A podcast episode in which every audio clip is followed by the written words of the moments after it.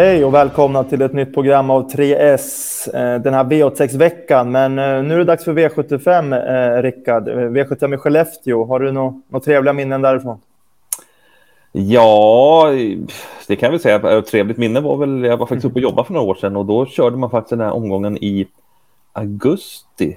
Och det var ju trevligt för det var ju riktigt bra väder då, varmt och skönt. Jag gick runt på stallbacken och jobbade Ja, det är väl det bästa, bästa minnet jag har från Skellefteå, att det var en härlig dag, sommardag då. Ja, långt upp i landet där också, långt att åka.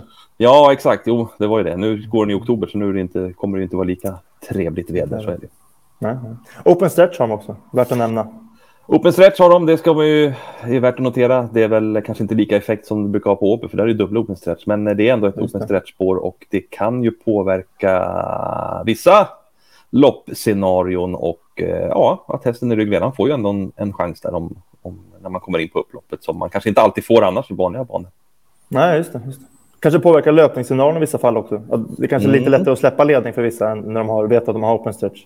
Ja, exakt. Jo, men så är det ju säkert. Och, så att det kan ju hända någon lite mer kanske oväntad släpp än det skulle göra på en bana som inte har open stretch. Så är det. Mm. Du, vi drar igång första rubriken. Det är Spiken.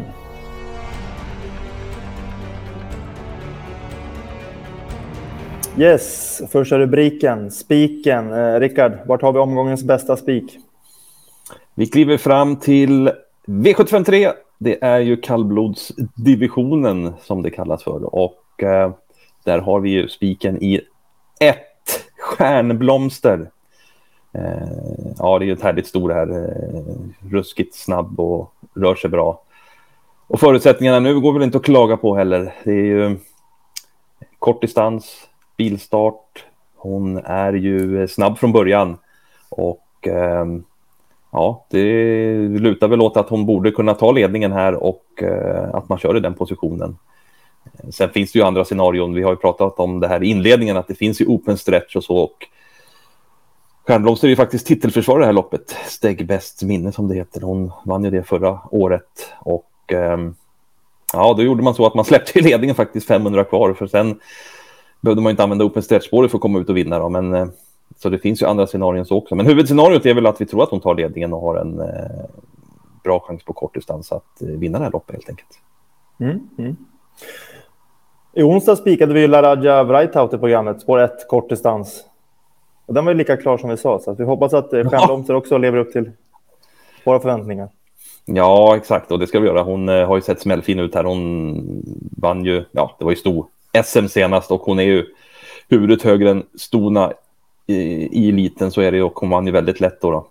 Gången innan då mötte hon ju, hon var ju ute mot Hingstar och Wallacker och satt ju fast med mycket kraft kvar då i rygg på uh, vinnande Månlycke AM där i svenskt mästerskap. Så att uh, nej, hon är ju hon är ju riktigt bra och som sagt, vi, vi tror att det är en toppchans att vinna. Yes, yes. Bra, då spikar vi nummer ett, Stjärnblomster V753. Så går vi vidare till skrälloppet.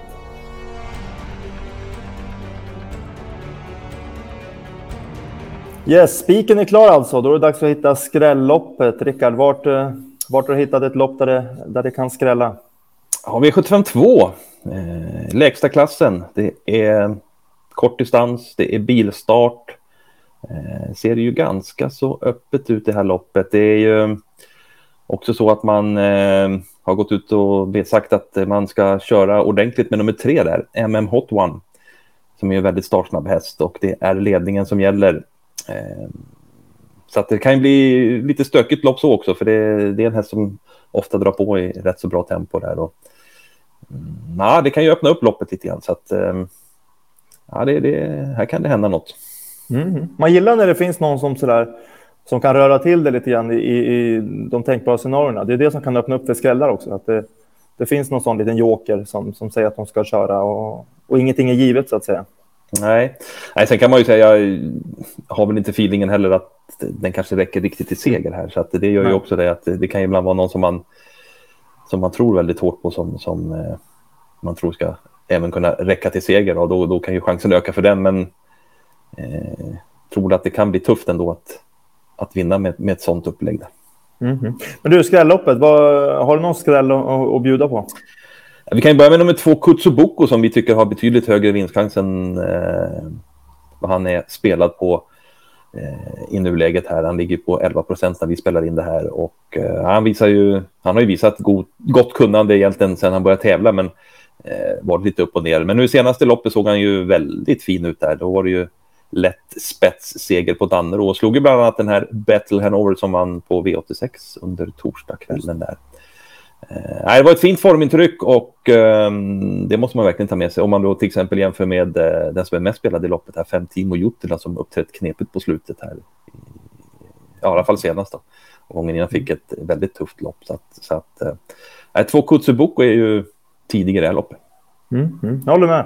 Härligt intryck från start också. när Han drog iväg ganska rejält första biten där. Visade att han hade den egenskapen också. Nyttigt mm. han är kortdistans den här gången. Ja, precis. Ja. Exakt. Mm. 11 procent på honom. Har du någon miljonskräll också att bjuda på? jag ska ta en. Så nummer sju, wow-faktor, är ju eh, väldigt lite spelad. Eh, det är ju en lillebrorsa, i alla fall samma mamma som From the Mind där, som kom igång ganska sent. Eh, debuterade först i fjol då, som fyraåring. Vart efter utvecklats en del och man har kunnat ja, eh, även utveckla testen med lite olika utrustning och eh, balanser och så. Senast var det första gången i amerikansk vagn och eh, den här gången ska hästen även tävla barfota runt om och det blir första gången den kombinationen. Och så Magnus Djuse upp i sulken och mm. ja, det är ju ja, vad han kan hitta på, det vet vi ju. Så att eh, lågprocentare med honom som kusk är inte fel. Nej, Magnus, jag kan vinna med allt. Ljuse. Så känns det ibland. Du, eh, grymt. Då har vi några fina skrällar där i V752. Då eh, går vi vidare till chaset.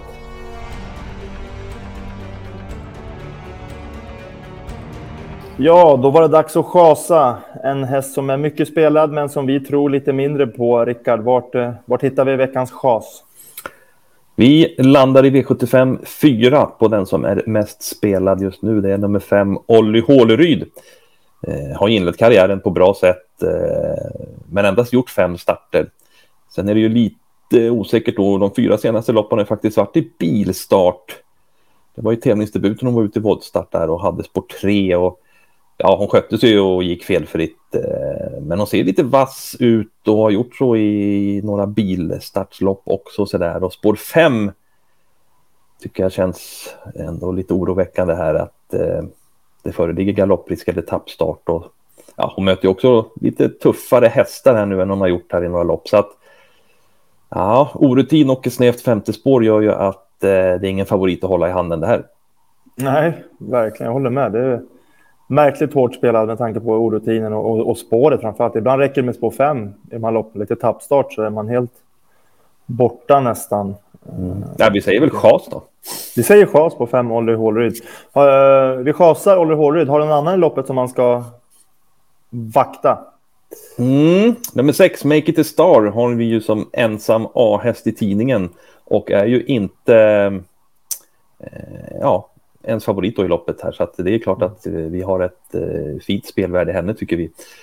Eh, kom ju också från några fina insatser här, satt ju fast senast då, så det, ja, det var ju gott om sparat där. Marcus Svedberg har uttalat om att hon vinner plättlätt om hon bara mm -hmm. hittar ut där. Då. Men så är det ju. Men hon har gått bra innan det också, spurtar ju bra i starten före det och ja, och även på Mantorp där. Så att det är ju faktiskt ett väldigt fint formintryck på den här hästen. Och sen är det det här med springspår då, och hon Ja, det är ju lite det där med, med startsnabbheten, inte riktigt synad den, men hon ser ju ganska så rapp ut ändå och skulle Marcus pricka starten här så eh, från springspår då, så skulle det ju kunna bli ledningen här. Det är väl nummer ett Samedi som är värst emot, men som jag också sa här så har hon faktiskt spurtat bra också, så att ledningen är ju inget måste för att vinna det.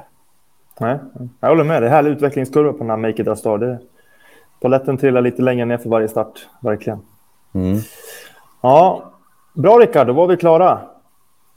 Ja. Vi eh, kan köra en sammanfattning. Eh, spiken hittar vi i V753 nummer 1, Stjärnblomster. Eh, vi garderar skrälloppet V752. Rickard nämner framför allt nummer 2, Kochu Boko. Och så varnar han för miljonskrällen, 7 Wow Factor. Och sen chasar vi nummer fem, Olli Hålryd i V754 som eh, åtminstone just nu är alldeles för mycket spelad här på 21 procent. Eh, Rickard nämner istället nummer sex, Make It A Star, som eh, vi på Travåldens spel har som ensam AS faktiskt. Och är bara tredje favorit i nuläget.